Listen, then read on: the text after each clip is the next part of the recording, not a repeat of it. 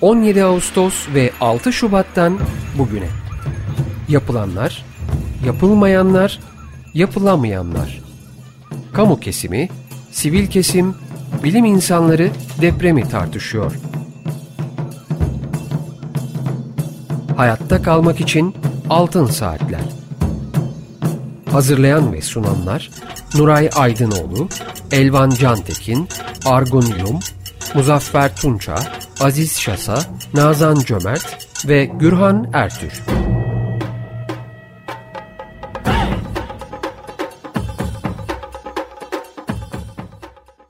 Açık Radyo'da Altın Saatler programındayız. Bugünkü programı Mehmet Nuray Aydınoğlu, Argun Yum, Nazan Çömert ve ben Gürhan Ertür birlikte sunacağız.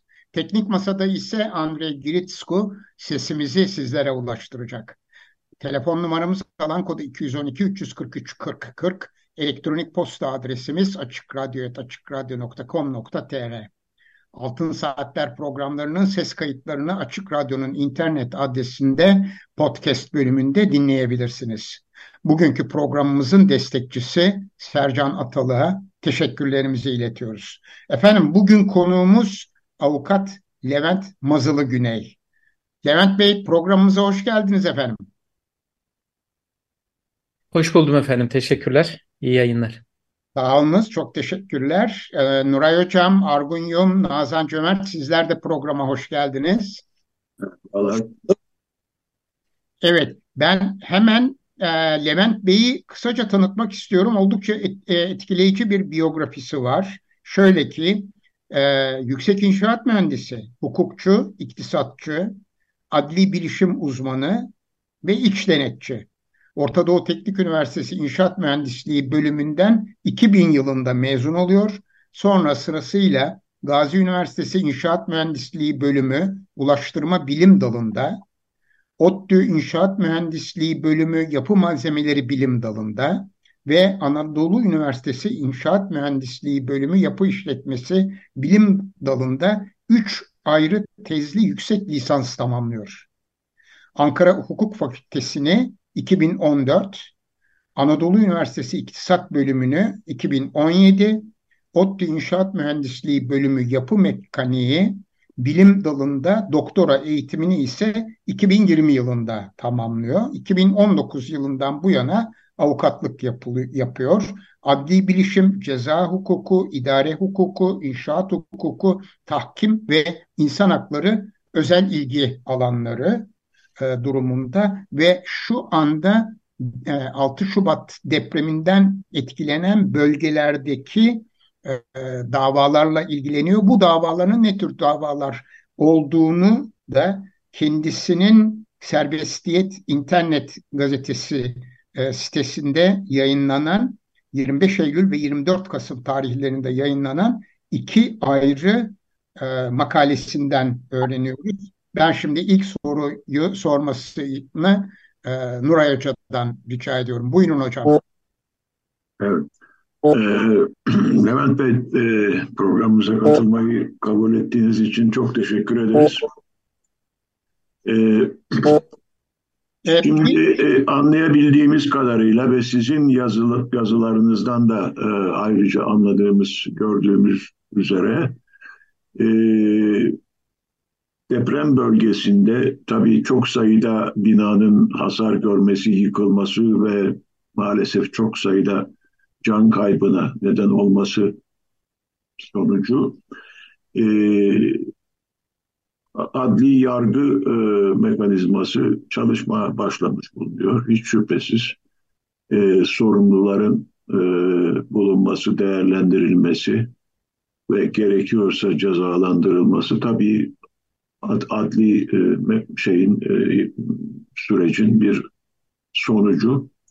Ancak e, tabii bu teknik konuda e, e, mahkemelerin karar verebilmeleri büyük ölçüde e, bilirkişi e, raporlarına, bilirkişilerin görüşlerine bağlı. Bu konuda e, e, deprem bölgesindeki mühendislerden gelen e, çok sayıda şikayet var. Bunları ben de biliyorum. Sizin yazılarınızda da e, bunların e, konu etmişsiniz. E, bu bu tür şikayetleri ve ne, bunların bunlarla ilgili e, bilirkişi raporlarının değerlendirilmesi hususunda bize biraz bilgi verebilir misiniz? E, hocam çok teşekkür ederim. Öncelikle e, sizinle birlikte yayında olunca kendimi daha güvende hissediyorum. Ola ki e, yanlış bir şey söylersem de e, sizin düzelteceğinize eminim. Ben e, zat halinizden çok şey öğrendim hocam. Estağfurullah, e, teşekkür ederim. Çok e, onur duyuyorum sizinle aynı yayında olmaktan. E, hocam tabii e, deprem felaketini hiçbirimiz istemeyiz. Hiçbirimiz de depremden sonra e, can kaybını arzu etmeyiz. Deprem nedeniyle bir can kaybını. Ancak bir realitemiz var. E, nedir bu realite? Yani e, 99 depreminden e, sonra 99 depremi dahil 2023 depremi e, 6 Şubat depremlerini de dahil ettiğimizde depremler nedeniyle e, hayatını kaybeden insan sayısı yaklaşık 110 bin e, bizim ülkemizde.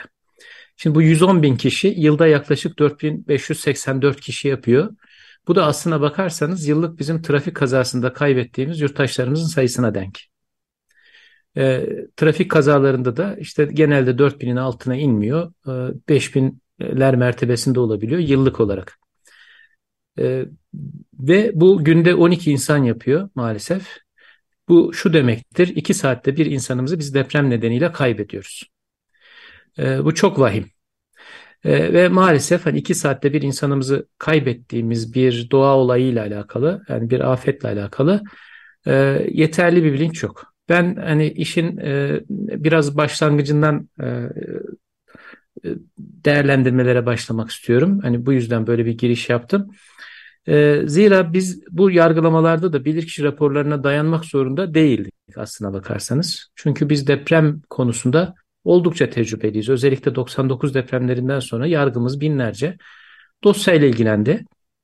Ama bu tecrübe hocam daha sonra e, başka şekillerde değerlendirildi. Yani hani daha doğrusu tecrübenin yoğunlaştığı yerde değil de e, bizim bu kadar e, yoğun işte can kaybına neden olan bir konuyla alakalı maalesef ihtisas mahkemelerimiz yok.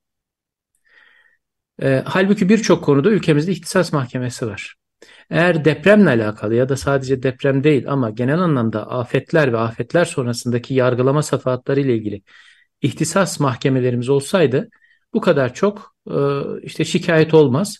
Böyle bir hengame de oluşmazdı. Hocam Çevre Şehircilik Bakanlığı'nın e, bir tablosu var önümde. Bu tabloya göre 6 Şubat depremlerinde yıkılan bina sayısı, yapı sayısı 38.330.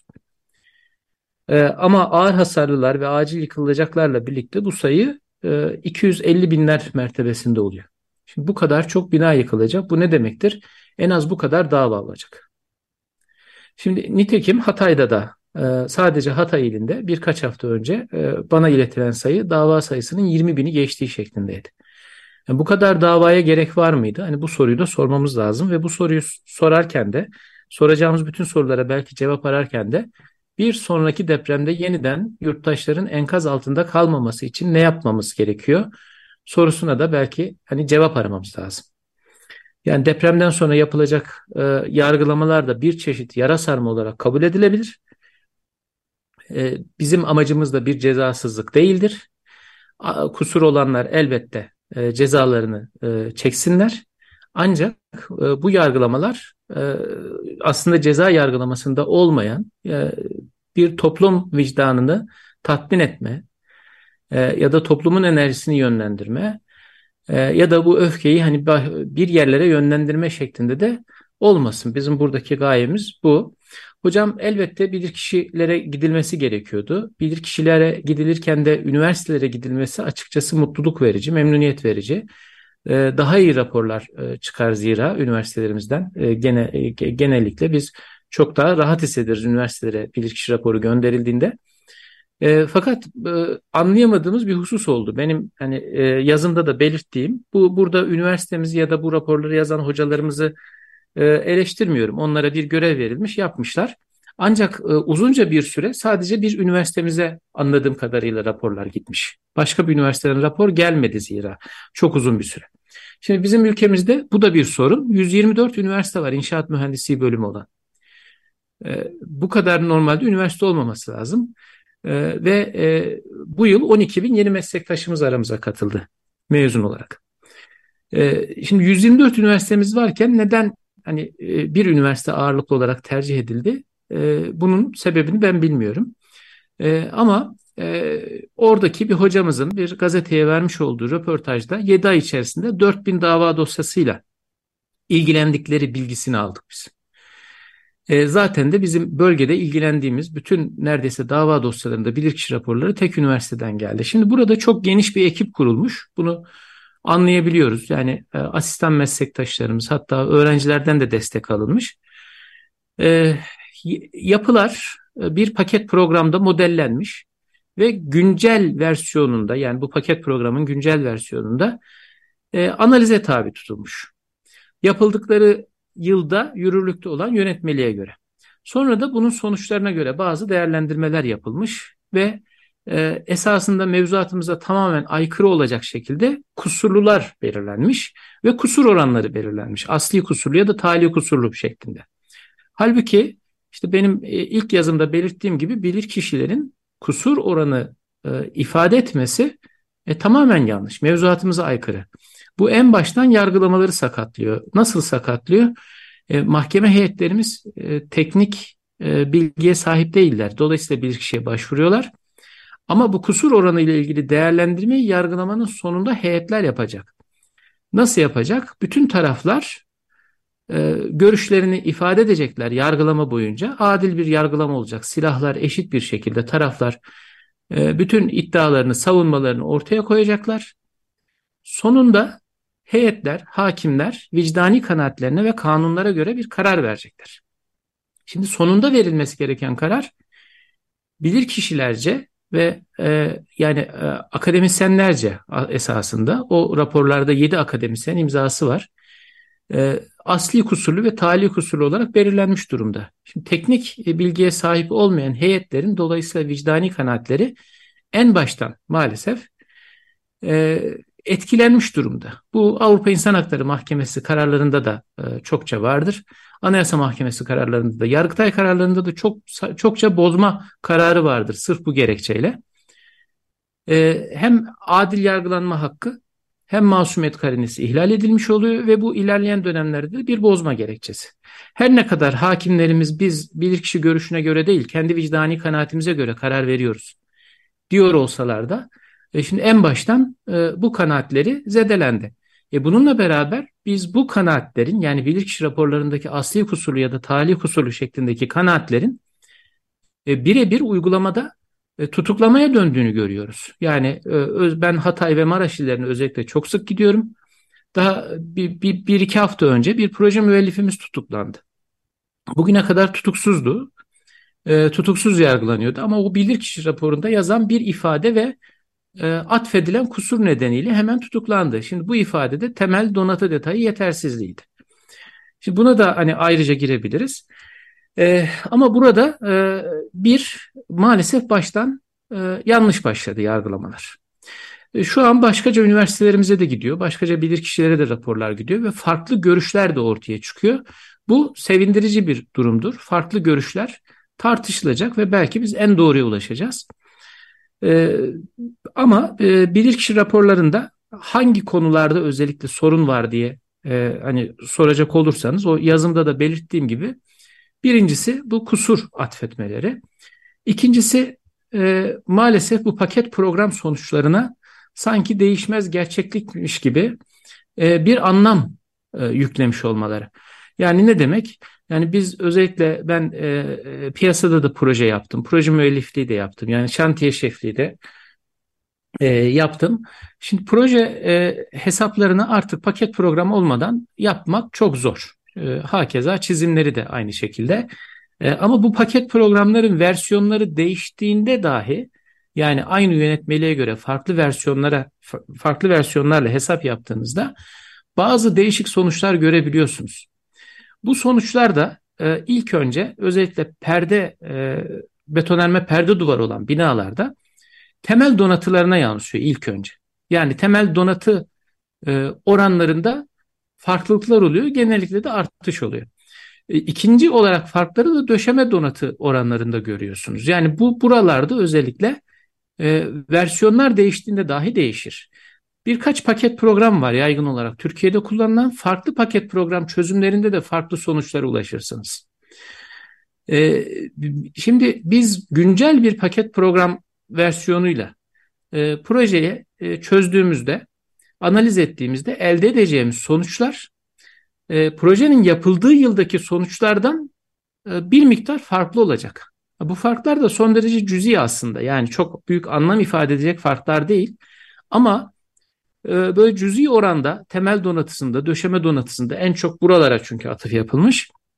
Farklar var diye yapım aşamasında bu donatılar eksik tasarlanmış deyip proje müellifinden başlayarak e, proje müellifine asli kusur vermek, sonrasında proje müellifinin projesini kontrol etmediği için şantiye şefi, yapı denetim görevlisi, e, müteahhit dahil yapım aşamasında bulunan herkesi e, sorumlu olarak ifade etmek e, bana göre doğru bir yaklaşım değil. Yani bunu teknik olarak da e, hukukçu olarak da e, doğru bulmam mümkün değil ve maalesef ihtisas mahkemelerimizde olmayınca bilirkişi raporunda asli kusurlu olarak belirtilmiş e, herkes hemen tutuklandı.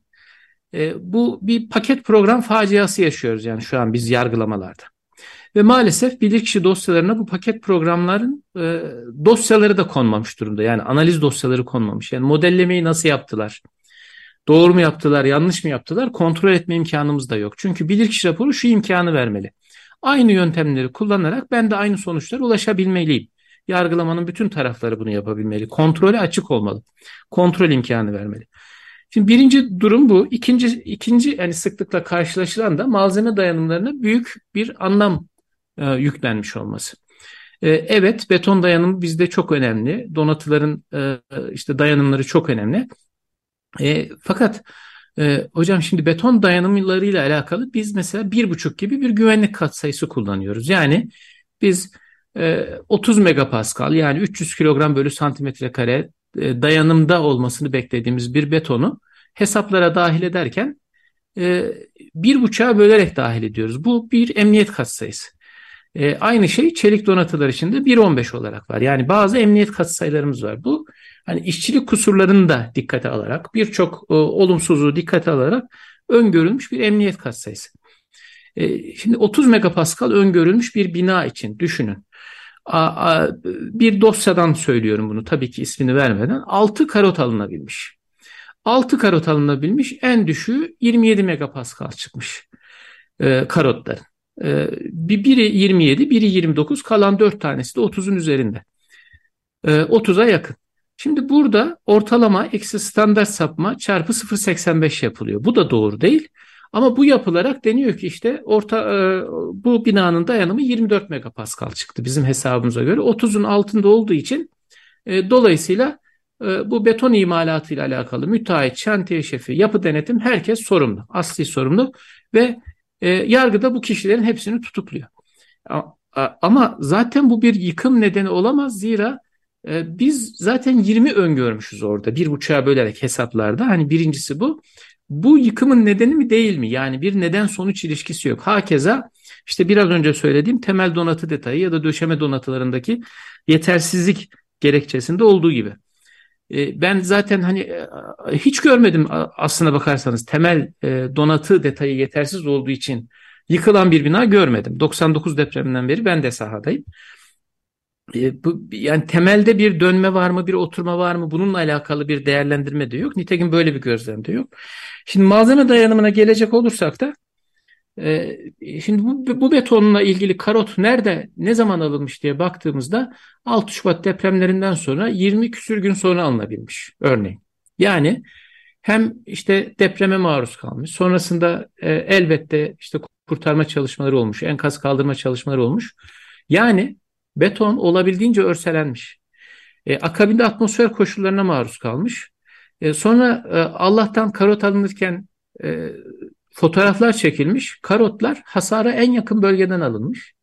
En kolay orası e, işte olduğu için. E, karotlar alınırken E, hocam karot alınırken bir sabitleme yapılır biliyorsunuz o karot tablası dediğimiz önce sabitlenir.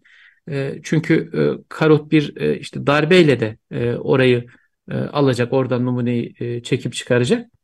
E, elle tutarak yani bir sabitleme dahi olmaksızın karotlar alınmış. Çok acele edilmiş çünkü ve bu işi yeterince bilmeyen e, kişiler de maalesef bu işe dahil olmuşlar. E, bununla beraber her malzeme yorulur. E, her malzeme yorulduğu gibi e, ben bunu savcılara, hakimlere tabii anlatmakta güçlük yaşıyoruz. E, biliyorsunuz betonda e, tekrarlı yükleme deneyleri vardır ve tekrarlı yükleme son, sonrasında beton dayanımı düşer. E, tekrarlı yükleme ve boşaltma sonrasında. Bunu Zekai Celeb'in hocamızın kitabında da var. Uğur Ersoy, Polat Gülkan ve Erdem Canbay'ın yazdığı kitapta da var. Bütün neredeyse betonarme kitaplarında birbirine yakın deney sonuçları da var. Grafikleri de var.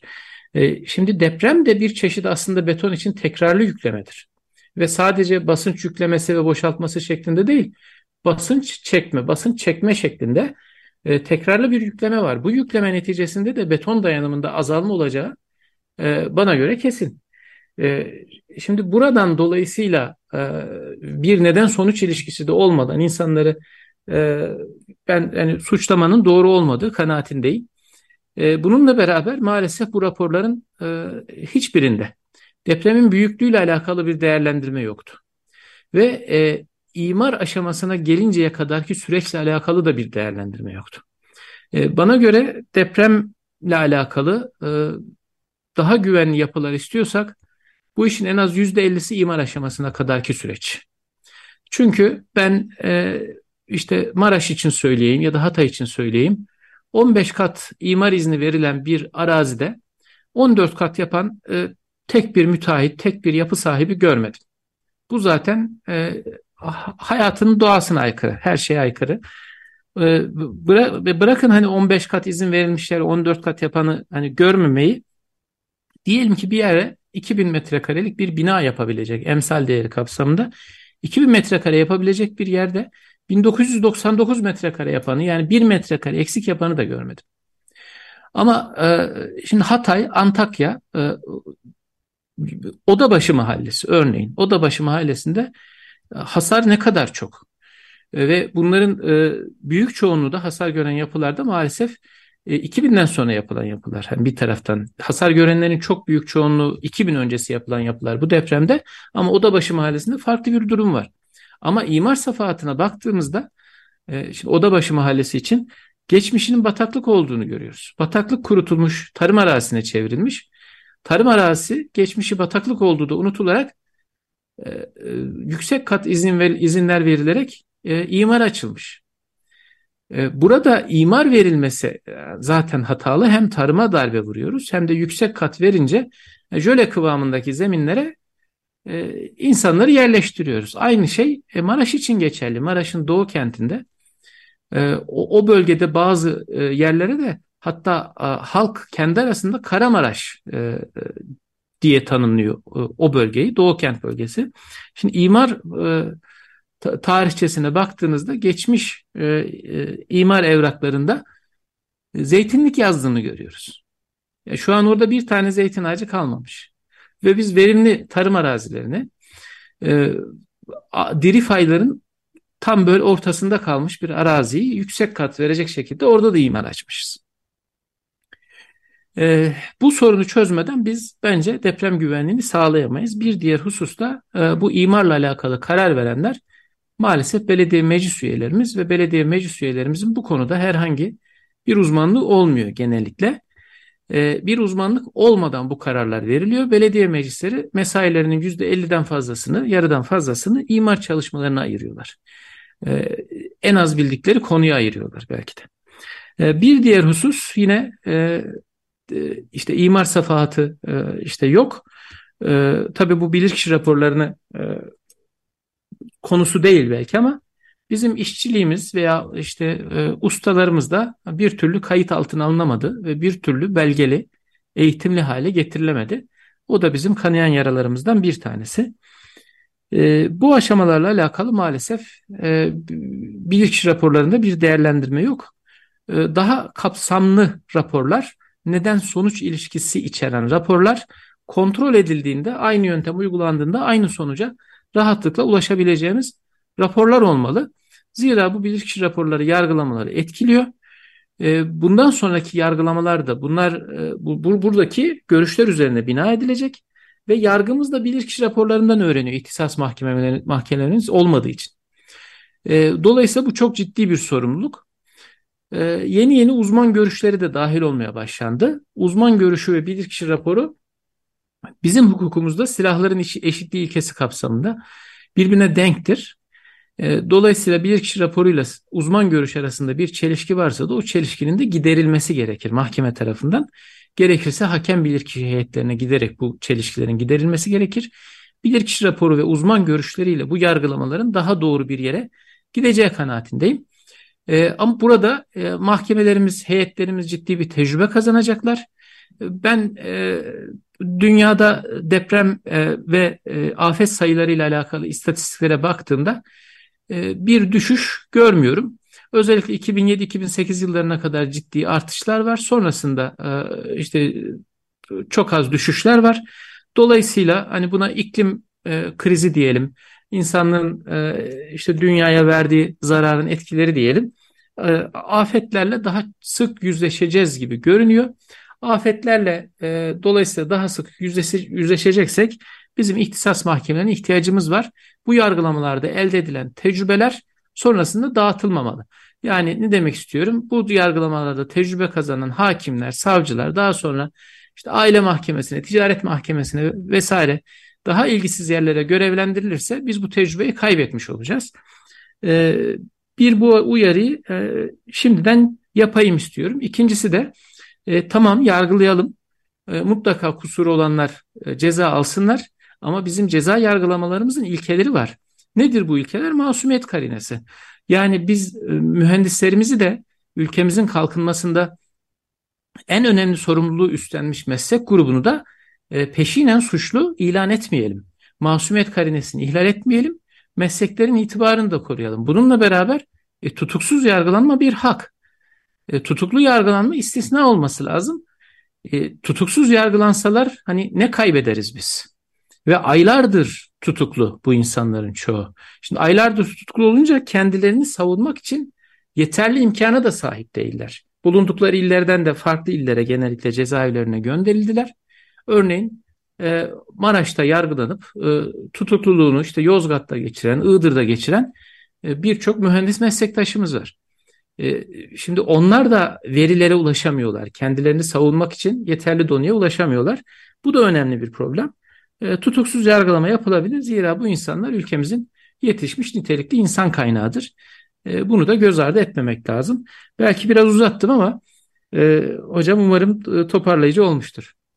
Çok teşekkür ederiz Levent Bey. Gerçekten e, meselenin ana e, noktalarına e, değindiniz. Ben de bir iki e, katkıda bulunmak istiyorum izninizle. E, şimdi e, Depremlerde bir ağır hasar yıkılan binaların niçin yıkıldıklarının açıklanması esasen fevkalade zor bir konu. Çünkü ayakta duran bir bina yok. Bir şeyi e, muayene edip sisteme bakıp taşıyıcı sistemin durumunu izlemek falan mümkün değil. Bina yerle bir olmuş. Bu bina niye yıkıldı? Bunun çok çeşitli nedenleri olabilir. Ee, projeden meydana gelebilir. Taşıyıcı sistemi iyi kurgulanmamış olabilir. E, taşıyıcı sistemin bilgisayarda modellemesi iyi yapılmamış olabilir. Analizi doğru yapılmamış olabilir. Eleman tasarımı doğru yapılmamış olabilir. Yani projede de bir sürü olasılık var. İkincisi yapım ve denetim sürecindeki hatalardan meydana gelmiş olabilir. Üçüncüsü Bunların hiçbirisi olmasa bile bina sizin de belirttiğiniz gibi ve bu depremde geçerli olduğu üzere depremin yönetmelik sınırlarını aşan olağan dışı şiddetli bir deprem olması nedeniyle bina yıkılmış olabilir. Bunların her üçü de mümkün. Şimdi e, biraz önce belirttiğiniz gibi e, bir paket programı alıp onunla çözüp e, projeyle o programın sonuçları arasındaki farka göre işte fazladır, eksiktir, sorumludur, değil midir gibi bir şey yapmak hakikaten olacak iş değil. Aslında bu hiç objektif ve adil bir yöntem değil. E, kaldı ki projede, her projede nihayet insan ürünüdür, emeğinin ürünüdür. Ufak tefek hatalar olabilir. Yani e, bunu gayet doğal karşılamak lazım. E, kullandığınız e, bilgisayar programına göre, yaptığınız modellemeye göre vesaire vesaire. Ama bu, bu demek değildir ki bina yıkılacaktır. Betonarme inşaat özellikle oldukça e, elverişlidir. Yani e, şartlara göre kendisini adapte edebilme kabiliyeti vardır betonarme sistemleri. Buna biz yeniden dağılım diyoruz. Yani bir yerde bir fazla bir e, dayanım talebi varsa sistem onu e, bir şekilde kompanse edecek mekanizmalara sahiptir. E, bunu dikkate almadan e, bir e, ufak bir yanlışı şey yapamazsınız, mahkum edemezsiniz. Yani örneğin benim duyduğum örneklerden biri efendim iki tane kolonda birkaç tane donatı eksikmiş. E, olabilir efendim. Yani bu dünyanın sonu demek değil. O, o sırf o nedenle binanın yıkıldığına kanaat getirmek mümkün değil. Bu yani kusura bakmasın bir, hele hele bir üniversite e, mensubu için e, doğru bir şey değil. Yani aslında üzüntü verici bir durum böyle bir hükme varmak. Ama sizin de belirttiğiniz gibi arkadaşlarımız binlerce dosyayı e, belli bir zaman süreci içinde bitirmek zorunda olduklarını hissettiklerinden herhalde yeteri kadar kalite kontrolüne özen göstermemiş olabilirler. E, zor bir durum. Dediğiniz gibi bu işin e, ihtisas mahkemelerinin olmaması, e, her şeyin bilir kişiye bırakılması, burada olayın çok çok büyük oluşu, binlerce dosyanın kısa sürede değerlendirilme zorunluluğu, e, bunlar tabii e, hakikaten adil bir yargı sürecinin e, realizasyonuna imkan vermiyor. E, ikincisi sizin yine çok doğru bir biçimde şey yaptığınız gibi benim de biraz önce söylediğim gibi e, bu deprem olağan bir deprem değil. E, e, kayıtlar var elimizde. Yani kayıtlara dayanarak konuşuyoruz. Çok büyük dayanım talepleri, çok büyük süneklik talepleri var. Bunlar teknik konular. Burada tabii dinleyicilerimize bunları anlatmak mümkün değil ama yani normal olarak e, yönetmeliklerin içerdiği, e, öngördüğü e, mertebelerin çok üstünde deprem etkileri meydana geldi. Bu aslında şu anda yalnız Türkiye'de değil, bütün dünyada tartışılan bir konu. Bütün dünyada yönetmeliklerin yeterli olup olmadığı, yalnız bizim yönetmeliğimiz değil. Çünkü üç aşağı beş yukarı dünyadaki bütün yönetmeliklerdeki dayanım mertebeleri aynıdır veya birbirine çok yakındır. Ee, yani ileri bir ülkenin deprem yönetmeliğine göre yapılmış bir bina bile bu depremde yıkılabilirdi. Yani bunu bunu görmek lazım. Artı çok e, farklı e, durumlar var. Mesela deprem deprem etkileri çok değişken. Özellikle Antakya'da çeşitli nedenlerle zemin etkileriyle ve e, vadi etkisiyle çünkü orası bir havza büyük ölçüde etrafı dağlarla çevrili. Burada deprem dalgalarının çeşitli şekilde yansıma ve kırılmalarıyla meydana geldiği belli olan karma karışık bir mekanizma var. Bunu öngörmek çok çok zor. Mesela bu da önemli bir problem. Yani standartize edilmesi fevkalade zor bir konuyu basite indirgeyip iki üç tane noktayı bulup onunla e, mühendisi suçlamak, üstelik mühendisin dediğiniz e, gibi e, tutuklanmasına e, yol açacak bir sonuca varmak hakikaten adil bir mekanizma gibi görünmüyor. Evet, ben de e, bu vesileyle bu konu tabii hepimizin ilgilendiği bir konu olduğu için e, görüşlerimi belirtmek istedim. Evet, çok teşekkürler hocam. Bir kısa ara vereceğiz şimdi. Müzik parçamızı dinleyeceğiz. Ondan sonra programımızın ikinci bölümüne geçebiliriz. Açık Radyo'dayız. Altın Saatler programının ikinci bölümündeyiz. Bugün konuğumuz Avukat Levent Mazılı Güney ve kendisiyle 6 Şubat depremleri sonrası açılan kamu davalarını ve bilirkişi raporlarını konuşmaya devam ediyoruz. Ee, Levent Bey e, sanıyorum e, Nuray Hoca'nın söylediklerinden sonra e, siz de bir şeyler söylemek isteyeceksiniz. Buyurun efendim. Evet, çok teşekkür ederim. Ee, hocam çok kıymetli katkılarda bulundu.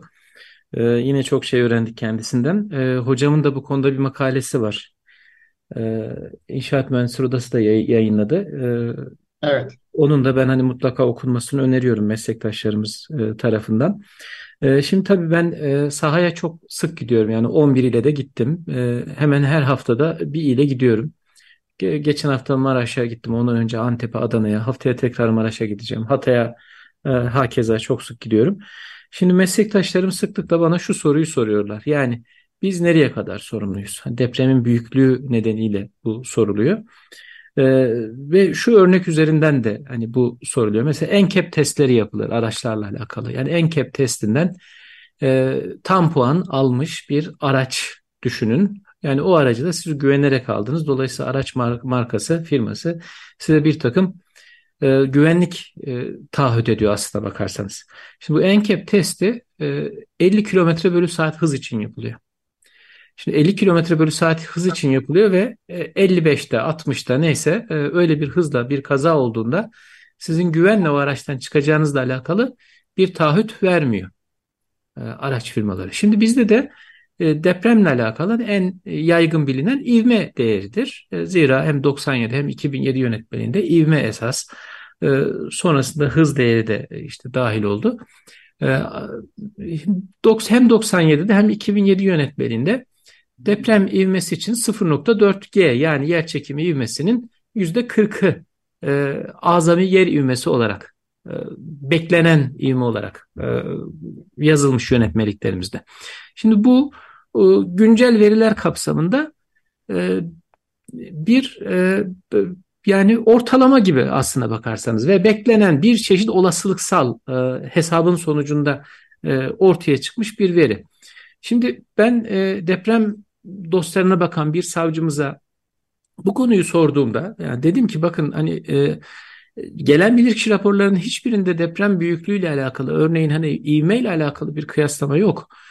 E, dediğimde e, şimdi savcımız bana dedi ki bana ne ivmeden dedi. Yani ben niye bakayım ki ivme değerine? Şimdi e, ya ihtisas mahkemelerinin olmaması nın işte bir şeyi bu maalesef yani yansıması.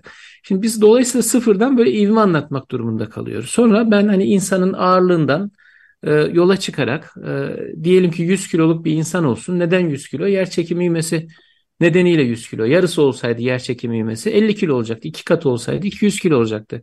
Uçaklarda e, yer çekimi ivmesinden daha yüksek ivmelere çıktıklarında işte ona G basmak ya da G çekmek der pilotlar. E, burada anlatılan o. Şu an biz mesela vücudumuz da bir yatay yüke maruz değil ama e, size vücudunuzun yüzde kırkı kadar e, bir yatay yük geldiğini düşünün. Diyelim ki bir boksör size o şekilde yumruk atıyor. Depremde e, evet aynı şey değildir ama benzerdir. Bir yatay yük geliyor. Vücudunuz diyelim ki 40 kiloya dayanabilir. 100 kiloluk bir vücut ama bu e, 100 kiloluk yumruklar geliyor size. E, bu dedim farklı. E, yani en önemli belki de hani kıyaslanması gereken faktör bu. E, buradan itibaren gidilmeli. Şimdi e, ve e, yani e, sonrasında maalesef e, yine ivme değerleri ya da hani deprem büyüklüğüyle alakalı bir kıyaslamaya gidilmedi ya da kıyaslamaya gidilmiş e, bilirkişi raporlarında da çünkü farklı üniversitelere gönderilmeye başlandığında da iki ayrı üniversitemiz örneğin e, dedi ki bu e, binada binanın bulunduğu bölgede yıkılan binanın e, ivme değeri çok yüksek oluşmuş. E, deprem yönetmeliğinde öngörülenin e, çok üzerinde bu değer kıyaslamasını da vermiş. Dolayısıyla ana neden budur Ama başkaca kusurlar da var, başkaca kusurlar da budur. Ee, bize göre yıkımdaki ana etken ise bu bölgenin zemin koşulları, işte deprem riski vesaire hani dikkate alınmadan yapılan imar çalışmalarıdır şeklinde de görüşlerini bildirmişler. İki farklı üniversitemiz. Fakat bu raporlara rağmen de yine e, mühendislerle alakalı e, tasarımda ya da yapım aşamasında önemli bir kusur olmamasına rağmen yine mühendislerle alakalı bilinçli taksirden yani e, sen bu e, can kaybını öngörebilirdin, bu yıkımı öngörebilirdin e, şeklinde bir iddiayla bilinçli taksirden davalar açıldı. E, hala tutuklamalar devam ediyor. Bu raporlara rağmen devam ediyor. E, bizim bu işi çözmemiz gerekiyor ve anlatabilmemiz gerekiyor. Hem topluma anlatabilmemiz gerekiyor hem de yargı mensuplarını anlatabilmemiz gerekiyor. Yargı mensuplarını anlatırken de herkesin rahatlıkla anlayabileceği, toplumun da rahatlıkla anlayabileceği argümanlarla, örneklerle anlatmak gerekiyor. O yüzden hani bu enkep testi örneğini e, anlattım ya da e, işte yer çekimi ivmesini anlatırken hani bir vücut ağırlığından e, yola çıkarak anlatmaya başladım. E bu diyelim ki 1000 tonluk bir bina için düşünün. E, 0.4 G olduğunda 400 ton yatay kuvvete göre tasarlanmış bina ama kat kat fazlası bir ivme oluştuğunda da örneğin işte Antakya merkezi için birin üzerinde bir ortalama var diyebiliriz. E, kendi ağırlığı kadar bir yatay yüke maruz kalmış. E, dolayısıyla mühendis meslektaşlarımız da soruyorlar. Bundan sonra biz bina tasarlarken neye göre tasarlayacağız? Biz hangi yüke kadar sorumluyuz? Şimdi biz bu depremden de çok şey öğrendik. Bu depremden sonra da elbette ki yönetmeliklerimiz değişebilir, revize edilebilir. Yeni öğrendiklerimizi e, elde ettiğimiz tecrübeleri, birikimi yönetmeliklere yansıtmaktan daha olan bir şey olamaz. Ama o yönetmeliklere yansıttıktan sonra geçerli olacak bunlar. Yani 75 yönetmeliğine göre yapılmış bir binanın da 2018 yönetmeliğine göre e, her şeyi sağlamasını bekleyem beklemeyeceğiz, bekleyemeyiz. Hakeza o, o dönemin yönetmeliklerine göre yapılmış ve tasarım depremine göre e, hesap edilmiş, analiz edilmiş e, inşa edilmiş bir yapının da tasarım depremi üzerinde bir depremle karşılaştığında e, hiçbir problem olmadan ayakta kalmasını hani maalesef bekleyemeyiz. Yani teknik olarak da ben bunu e, söyleyemem. Yani e, 97 yönetmeliğine uygun yapılmış olsaydı ya da 2007 yönetmeliğine uygun yapılmış olsaydı bu depremde yıkılmazdı cümlesini ben kuramıyorum. Yani ne bir e, inşaat mühendisi olarak kurabiliyorum bu cümleyi ne de bir hukukçu olarak. Nitekim işin hukuki sorumluluk boyutuna e, geçildiğinde de işte bu enkep testi örneğinde olduğu gibi e, nereye kadar sorumlu sorusu ortaya çıkıyor. Nereye kadar sorumlu sorusunun cevabı yönetmeliğin öngördüğü tasarım depremi ise onun üzerindeki depremlerde de e, sorumluluğun mühendisten e, ya da buradaki teknik sorumlulardan e, uzaklaşması gerekir ya da onların sorumluluklarının azalması gerekir. Elbette ki bariz bir kusurları varsa, bariz bir projelendirme hatası varsa, yapımda ciddi kusurlar varsa elbette ki bu kusurlarının cezasını çeksinler. Ama herhangi bir şekilde e, kusur olmayan yani tasarımında ve yapımında kusur olmayan e, binalarda da e, işte temel donatı detayı yetersiz ya da malzeme dayanımında işte şu kadar megapascal eksiklik oldu diye e, ki neden olağan olduğunu ben e, anlattım ilk turda. E, bu nedenlerle de insanlar e, tutuklanmasın. E, yargılamaların adil olması önemli. E, bir diğer husus biz e, binanın şu andaki yani depremden sonraki e, haline bakarak, depremden sonraki haline bakarak yani oradan alınan numunelerle yapım aşamasındaki yani ya da ya da projelendirme aşamasındaki kusurları tespit etmeye çalışıyoruz. Yani yıllar öncesinde burada bir kusurlu projelendirme, tasarım ya da yapım var mı yok mu sorusuna cevap vermeye çalışıyoruz. Bunu da e, tamamı örselenmiş e, beton ya da işte donat numunelerinden e, ya da bir şekilde projesini ortaya çıkaramadığımız e, yıkılmış bir binadan e, bulmaya çalışıyoruz. E, burada da eğer bir şüphe varsa, net bir tespit yoksa bir kusurla alakalı o zaman da şüpheden sanık yararlanmalı. Yani e, net bir kusur atfedilemiyorsa mühendisler tutuklu yargılanma e, yargılanmaktan vazgeçilmeli artık. E, bu, bu insanların büyük çoğunluğu yani hani kamuoyuna bazı olumsuz örnekler de yansımış olabilir. Büyük çoğunluğu e, zaten bulundukları şehirlere e, hizmet etmiş meslektaşlarımız. Ellerinden geleni yapmışlar. Bu şehirlerin kalkınması için de ellerinden geleni yapmışlar. Bundan sonra da bu şehirler bu meslektaşlarımızla ayağa kalkacaklar. Tekrar e, ben yargılamaların mümkün olduğunca adil olması gerektiğini hani bir kez daha hatırlatıyorum. Ama bundan sonra ne yapılmalı? Yani biz bir sonraki depremde de enkaz altında kalmamak için ne yapmalıyız sorusunu sormalı ve ona da hani belki cevap aramalıyız. Eğer e, vaktimiz varsa sadece bilirkişi raporları değil ama bununla alakalı da birkaç e, düşüncemi ifade edebilirim. Nazan Cömert'in bir sorusu var e, Levent Bey. Onu alalım. E, ondan sonra da sizin söyleyeceklerinizi e, programın kapanışına doğru ele alırız. Nazan? E, benim sorum e, tabii işin teknik kısmıyla e, değil de e, çok e, karmaşık, çok detaylı bir e, teknik tarafı var. Hukuki kısmıyla alakalı olacak.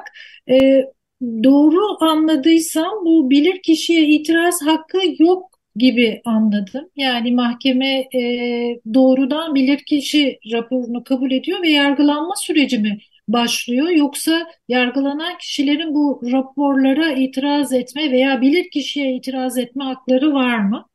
Ee, çok güzel bir soru. Ee, şöyle bilirkişiye itiraz hakkı kağıt üzerinde var. Mevzuatımızda var.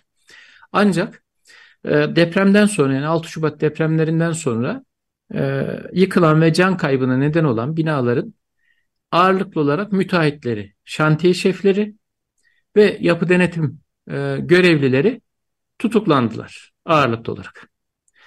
Bilirkişi raporu çıkıncaya kadar maalesef tutuklu kaldı büyük çoğunluğu. Bir takım rahatsızlıkları olan, yaşları ilerlemiş olanlara da konutu terk etmeme adli kontrol uygulandı. Bunları ağırlıklı olarak uygulama e, şeklinde anlatıyorum. Yani yüzde yüz elbette böyle değil. E, Şimdi bilirkişi raporları geldikten sonra kusursuz bulunanlar varsa evet bilirkişi raporuna göre tahliye edildi ki bu da maalesef hani bilirkişinin kusur belirleyememesi, belirlememesi gerektiği nedeniyle e, hatalı bir uygulamaydı. E, ama tahliyeler yine sevindiriciydi. Fakat bilirkişi raporlarında bu defa da proje müelliflerinden ya da işte başkaca e, yapım aşamasında görev almış kişilere de kusur atfedildiyse bilirkişi raporlarında onlar da tutuklanmaya başladılar. Yani savcılıklarımız ve ilk başta soruşturma aşamasında suç ceza hakimlikleri tamamen bilirkişi raporu kapsamında hareket ettiler. E, o aşamada yaptığımız itirazlar maalesef şey değil, etkili olmadı. Sonrasında yargılamalar yeni başladı. Yani Maraş'ta ilk duruşma e, daha geçen hafta yapıldı. İlk depremle alakalı yargılamanın yani ilk duruşması e, geçtiğimiz hafta yapıldı. Ee, çok yakın zamanda başladı. Biz bu bilirkişi raporuna itirazlarımızı gerekirse yeni bilirkişi raporu alınması yönündeki taleplerimizi de ilettik. Birçok kişi iletti. Ancak bu konuda takdir yine mahkemenin mahkeme bir karar vermedi. Yani erteledi. Bir sonraki celse dedi. Bir sonraki celse işte 4-5 ay sonrasını attı ve yine tutukluluk devam dendi. Şimdi insanlar yaklaşık işte 9,5 aydır tutuklular. Yani bir süre daha işte tutuklu kalacaklar. Bir sonraki celseye kadar. Şimdi neden e, tutuklu yargılama yapılıyor? Artık bu insanların yani bir kaçma şüphesi yok. Zaten yurt dışı çıkış yasağı herkese konuyor. Gerekirse adli kontrol verilebilir. Yani gidip imza atabilirler e, karakollarda. Böylelikle orada olduklarını işte belgeleyebilirler. E bununla beraber artık karartacakları bir delil yok. Çünkü ceza yargılamasında iki tane temel neden vardır tutuklama için. Bir kaçma şüphesi, iki delilleri karartmayla ya da etkilemeyle alakalı şüphe. Şimdi bu ikisi de yok çünkü zaten bina yıkılacak, yıkılan yıkılmış, oradan alınacak numuneleri alınmış, projeler vesaire temin edilmiş. Ee, şey bu, e, durum bu. Maalesef şu an itirazlar etkili değil e, ama e, biraz önce söylediğim gibi e, muhtemelen uzman görüşleri alınmaya başlanacak. Yani taraflar da bir e, taraf bilirkişi raporu sunacak dosyalara. Onlarla beraber biraz daha sağlıklı e, yürümeye başlayacağını ben düşünüyorum yargılamaları. E, ama burada zaman geçiyor ve insanlar tutuklu. Yani bakın bir yılı geçecek. Bir kişi tutuklanınca sadece o etkilenmiyor. Onun ailesi, yakın çevresi, işi her şey etkileniyor. Bu doğru bir yaklaşım değil yani tutuklu yargılama. Bir de yani bu e, insanlar, mühendisler tutuklanınca mağdurların herhangi bir zararı giderilmiş olmuyor. Yani bu e, hani e, işte vicdani tatmin dediğimiz husus da maalesef yanlış yönlendiriliyor. Çünkü biz bir sonraki depremde nasıl enkaz altında kalma, kalmayız sorusuna verilecek cevaplar önemli ve yapılacak her faaliyet bununla alakalı olmalı. Buraya katkı sağlamayan herhangi bir faaliyetin bir önemi yok. Yani biz oturup e, imar aşamalarındaki problemlerimizi konuşmalıyız. Evet. Bizim ben, oturup... e, e Levent Bey e, son dakikalarımızda özellikle bundan sonrasına ilişkin görüşlerinizi almak isteriz. Buyurun. Tabii çok, çok teşekkür ederim. Ben yüzlerce bina yaptım. 99 depreminden bu yana da her depremde sahadaydım. E, kaybettiğim arkadaşlarımın, akrabalarımın sayısını ben de bilmiyorum. Yani bu ülkeyi etkileyen bir e, durum ve benim tek amacım var.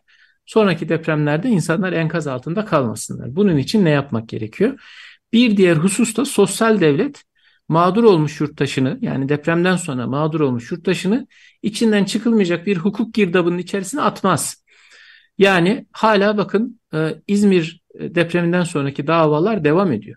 Sağlıklı bir şekilde sonuçlanan e, yok yani veya yok denecek kadar az. Hala Elazığ depreminden, hala Van depreminden davalar devam ediyor. Geçen hafta Bursa'daydım. 97 Adana depreminden bu yana devam eden bir yargılama süreci var. Orada bazı meslektaşlarımız. Yani e, bu bize bir çözüm sağlamıyor.